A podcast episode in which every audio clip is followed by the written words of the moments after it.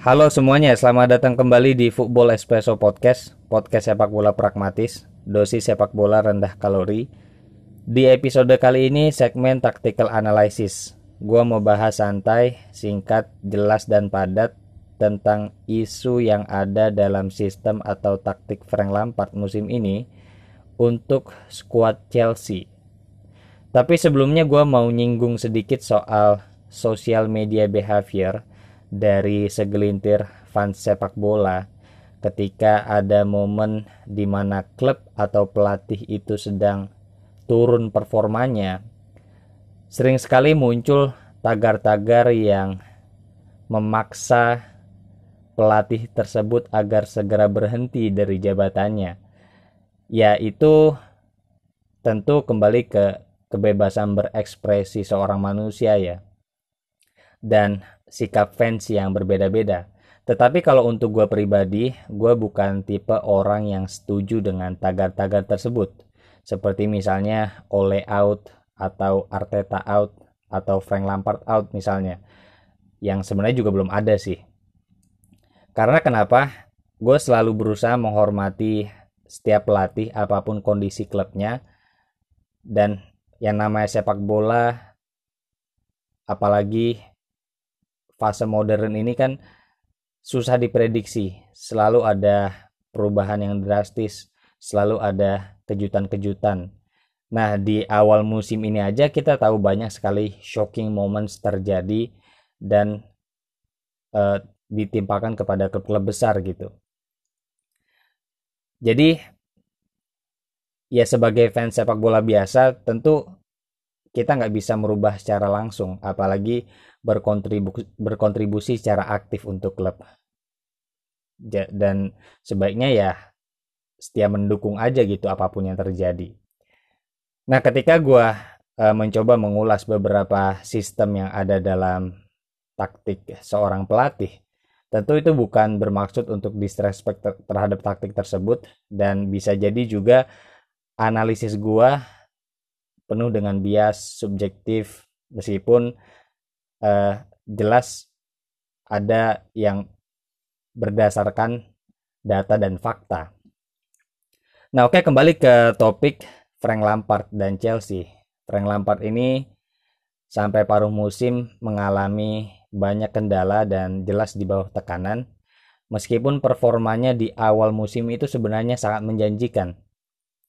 Tapi gue meskipun bukan fan Chelsea, menghormati Frank Lampard karena terlepas dia dari seorang legend di sejarah klub Chelsea, Frank Lampard di musim lalu ketika Chelsea menghadapi isu transfer ban dengan skuad yang sederhana bisa survive di Premier League dan membawa Chelsea uh, securing top 4. Tentu itu untuk seorang pelatih baru yang menangani klub sebesar Chelsea merupakan prestasi yang sangat luar biasa. Nah, ketika banyak fans yang mengatakan kalau Chelsea mengalami bad performance di bursa transfer di musim ini, Chelsea termasuk klub yang paling aktif dalam aktivitas bursa transfer dan banyak sekali pemain mega bintang yang didatangkan ke Chelsea seperti Havertz, Hakim Ziyech, Eduardo Mendy, Thiago Silva dan beberapa yang lain. Dan di awal musim di atas kertas Chelsea sangat dominan dan prospek mereka untuk bisa juara apalagi secure top 4 jelas sangat besar. Nah, tetapi tactical trend di awal musim post lockdown di era pandemi ini banyak sekali perubahan drastis. Sampai tim sekelas Liverpool harus dibantai 7-2 oleh Aston Villa tentu banyak sekali pertanyaan yang jadi uh, isu di publik gitu tentang apa yang terjadi sebenarnya di musim 2021. Selain Arsenal, Manchester City, Liverpool, dan Chelsea di paruh musim juga mengalami hal tersebut. Dan Manchester United juga sempat dikalahkan 6-1 oleh Tottenham Hotspur. Tim-tim kuda hitam yang sebelumnya berjuang di degradasi seperti Aston Villa Justru performanya di musim ini menunjukkan prospek yang sangat menjanjikan. Dan Carlo Ancelotti serta Everton juga cukup kompetitif di musim ini dan masih punya prospek yang besar untuk securing top 4. Dan di Chelsea, di awal musim gue bikin analisis khusus di podcast sebelumnya tentang taktik yang diusung oleh Frank Lampard. Di atas kertas sangat baik sekali. Dan di saat yang sama gue juga menganalisis gaya permainan Hakim Ziyech. Ini yang sebenarnya pemain yang di paruh musim ini atau di awal-awal musim sebelumnya memberikan instant impact untuk Chelsea dibanding pemain-pemainnya lain yang masih dalam proses adaptasi. Thiago Silva juga, Ben Chilwell juga sih sebenarnya. Cuman yang paling tersorot dari segi attacking pass jelas itu adalah Hakim Ziyech. Nah, Hakim Ziyech karena posisinya di sayap kanan dan dia left footed jadi fungsinya sebagai creative playmaker sebenarnya, bukan tipikal winger yang menerima umpan terobosan langsung gitu. Nah oke okay, terkait dengan isu yang ada di Chelsea sebenarnya main blowing banget karena dari expected goal dan expected conceded goal nggak terlalu parah. Jadi setiap pertandingan sebenarnya potensi Chelsea untuk seri dan menang itu sangat besar. Cuman ketika pertandingan banyak sekali kejanggalan. Tapi gue mau sebut secara garis besarnya aja, nggak terlalu detail sebenarnya. Mungkin faktor terbesar dari uh, pelatih sebenarnya bukan cuma Frank Lampard adalah ketika pelatih tersebut constantly changing line up. Keseringan ganti line up itu bakal ada isu tersendiri nanti di uh, prospek jangka panjangnya karena potensi terbaik atau membedakan antara pemain uh, starter dan pemain uh, reverse atau pemain cadangan itu kan sangat sulit nanti. Nah, Lampard ini sering sekali mengganti starting line up. Strikernya ketika Giroud itu produktif, tiba-tiba di match selanjutnya diganti oleh Tammy Abraham. Bukan berarti Tammy Abraham ini nggak bagus ya, cuman ketika proses pergantian itu rutin, maka itu termasuk hal yang sangat besar untuk Chelsea gitu. Nah di sisi lain uh, yang jadi pertanyaan untuk Chelsea adalah ketika fungsi atau peran dari Havertz dan Werner ini belum sepenuhnya maksimal. Itu yang membuat dua pemain ini sepertinya kesulitan beradaptasi entah dengan physicality atau uh, culture yang ada di sepak bola Inggris atau kesulitan beradaptasi dengan taktiknya Frank Lampard. Itu kan yang jadi pertanyaan sebenarnya. Apakah kualitas Havertz cuman sebatas di Bundesliga atau Premier League, eh, sebatas di Bundesliga aja, atau memang sebenarnya Havertz ini nggak sesuai dengan sistemnya Frank Lampard? Itu kan yang jadi pertanyaan gitu. Tapi kita coba lihat dulu break nya Break nya dari segi fullback kiri seperti Chilwell ada peningkatan. Center back duo Zuma sama Thiago nggak terlalu buruk sebenarnya. Nah, karena dua dua orang ini secara statistik selain mereka berkontribusi uh, secara gol dari segi set piece Chelsea kan sangat berbahaya ya. Nah, kontribusi back ini juga ada ketika fase penyerangan. Apalagi Thiago Silva juga ketika build up akurasi umpannya juga sangat baik. Zuma agresifnya juga sangat membantu garis pertahanan Chelsea gitu. Jadi kalau dari segi center back sebenarnya nggak ada masalah yang signifikan kalau menurut gue pribadi. Mungkin isu terbesarnya ada di lini tengah.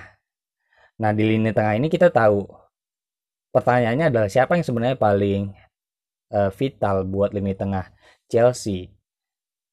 Uh, sesekali Frank Lampard masang Jorginho, di sisi lain masang Kante. Nah kedalaman squad yang ada dalam Chelsea ini malah jadi bumerang buat Frank Lampard tersendiri gitu Nah, yang gue lihat dari Frank Lampard sering banget masang Kante sebagai main pivot di mana kalau dia jadi main pivot Regista ya jelas nggak cocok mungkin uh, posisi terbaik dengan dari Kante ini perdebatan ya tapi gue nggak setuju kalau dia di jadi main pivot uh, central defensive midfielder karena secara kualitas dia sebagai holding ya bisa jelas ada kualitasnya tetapi dominannya Kante ini kan box to box gitu.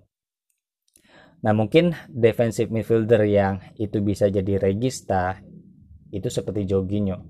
Tetapi ada isu lagi di mana Kovacic dan uh, Mason Mount juga punya kualitas tersendiri gitu. Sehingga di sini gue sebenarnya menemukan paradigma Frank Lampard belum bisa membedakan antara pemain starter dan pemain cadangan gitu. Nah, dari segi isu kreativitas di lini tengah, meskipun Mason Mount itu termasuk pemain yang punya work ethic box to box yang kinerjanya luar biasa dan mile distance-nya di lapangan, sprintnya juga sangat baik sekali. Tetapi dari isu kreativitas nggak bisa dijadiin uh, patokan gitu. Di sisi lain double A Chelsea sebenarnya sering sekali tidak bekerja gitu antara Mason Mount dan Kovacic. Di sisi nanti tiba-tiba diganti dengan Havertz. Baru lini depannya ketika build up-nya udah bagus tactical fluidity di lini penyerangan karena udah keseringan starting line up chemistry-nya susah dapet gitu dan sebenarnya eh, nggak uh, kaget sih kalau misalnya memang membangun chemistry itu nggak cukup untuk semusim aja gitu. Nah apalagi mengharapkan instant impact untuk pelatih yang baru beberapa musim uh, menjabat. Tentu ya bisa dibilang nggak usah terlalu berharap jauh gitu karena sekelas Jurgen Klopp aja butuh beberapa tahun untuk adaptasi atau uh, pelatih sekelas Alex Ferguson aja butuh 3-4 tahun supaya bisa membangun atau membangun ulang Manchester United gitu. Nah Chelsea setelah uh, mendapat isu transfer ban kemarin, jelas ini sebenarnya uh, fase baru untuk Chelsea gitu.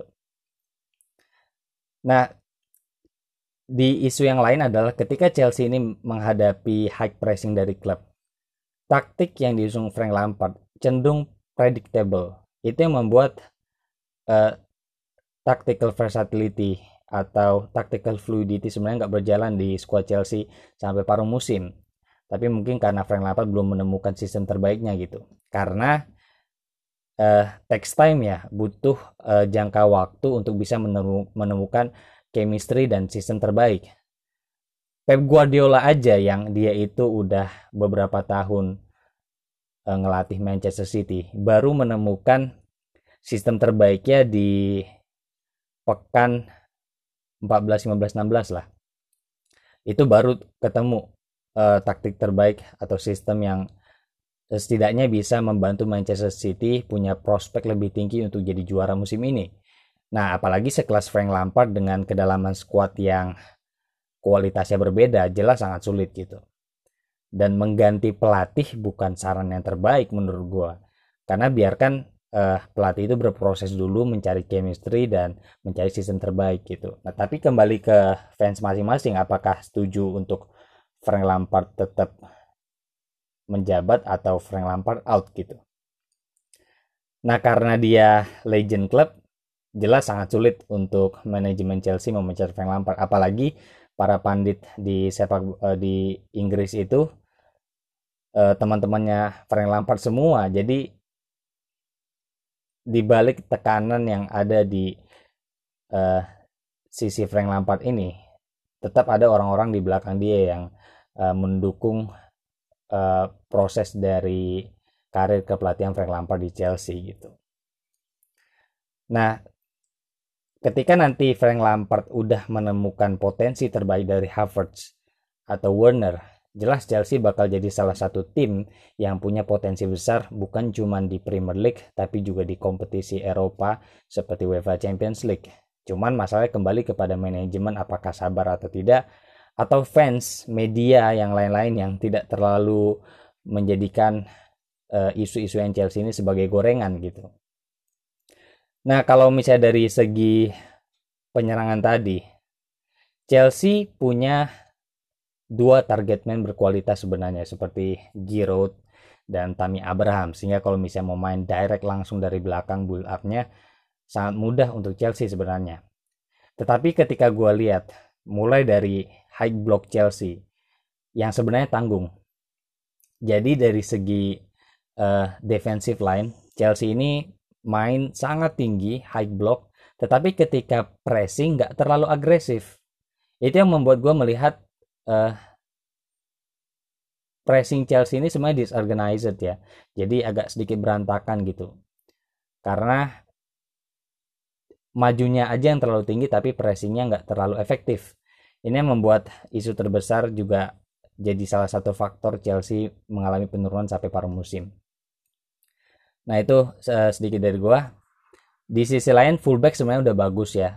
Kombinasi antara Rishi James dan Hakim Ziyech sebenarnya baik. Ben Chilwell juga di sisi flank kiri juga sangat baik.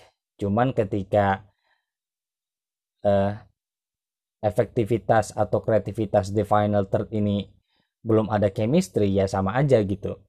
Peluang untuk uh, mencetak gol, expected goal meskipun tinggi uh, di atas kertas, tetapi ketika uh, gaya permainan di final third ini masih amburadul belum ada komunikasi yang tepat antara lini tengah dan progresif passing yang sampai ke penyerangan itu sering kali uh, gagal. Itu yang yang membuat isu di Chelsea ini uh, jadi kelihatan besar gitu. Nah, itu diperparah dengan ketika Chelsea menghadapi counter attack di mana Kante yang dari awal udah main pivot dan menurut gua termasuk pelatih yang sangat berani ketika tidak memainkan dua CDM atau dua gelandang bertahan. Jelas pemain seperti Kante ini sering sekali melakukan kesalahan gitu. Mulai dari tackle-tackle berbahaya yang ada di uh, luar kotak penalti yang itu sering kali menguntungkan pihak lawan. Artinya uh, Chelsea punya isu dalam menghentikan chance creating dari tim lawan gitu. Nah, itu mungkin dari garis besarnya aja tentang isu yang ada di dalam sistem Frank Lampard. Nah, ke depannya mungkin gue yakin sebenarnya kalau misalnya Frank Lampard ini di isu-isu yang ada di dalam media masa katanya mau dibantu sama Avram Grant sebagai penasihat. Ya mungkin dengan adanya penambahan kualitas dari staf jajaran di sekeliling Lampard ke depannya mungkin Lampard tetap punya prospek yang sangat baik gitu. Cuman sebagai fans biasa misalnya seandainya gue fans Chelsea jangan terlalu mengharapkan instant impact dari musim Liga Inggris sekarang yang unpredictable gitu di mana kondisi uh, di luar lapangan juga sebenarnya jadi perhitungan cuman analisis pelatih-pelatih seperti Jurgen Klopp, Pep Guardiola juga di musim ini kita lihat banyak sekali kendala. Jadi pelatih-pelatih yang baru seperti Arteta, Frank Lampard, Ole Gunnar Solskjaer juga punya tantangannya yang tersendiri gitu. Itu aja mungkin sekilas dari isu yang ada dalam sistem Frank Lampard. Sampai ketemu di Football Espresso Podcast sesi selanjutnya. See you next time.